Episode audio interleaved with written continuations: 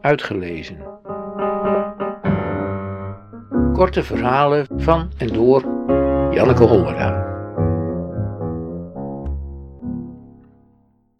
Hetzelfde.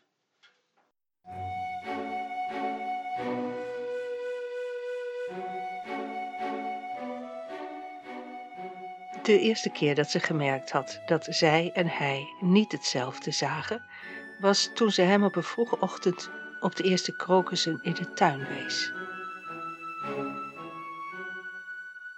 Kijk daar, zie je? Haar stem zong bijna. Toen ze die ochtend de gordijnen opentrok, was het het eerste wat ze had gezien. Een teken dat de lente in aantocht was.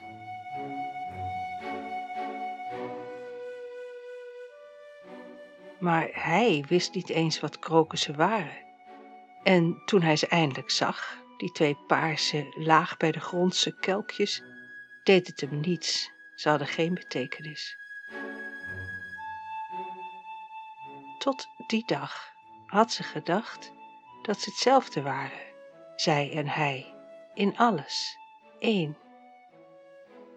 Nu begreep ze voor het eerst dat hij, hoewel hij zijn best deed, haar niet begreep. En zag ze dat zij op haar beurt weliswaar haar best deed, maar hem niet begreep.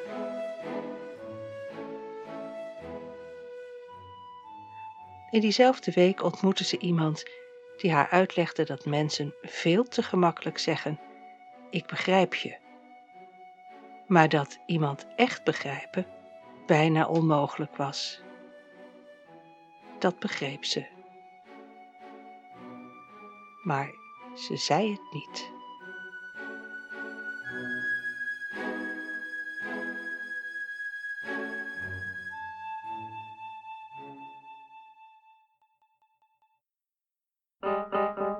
Uitgelezen.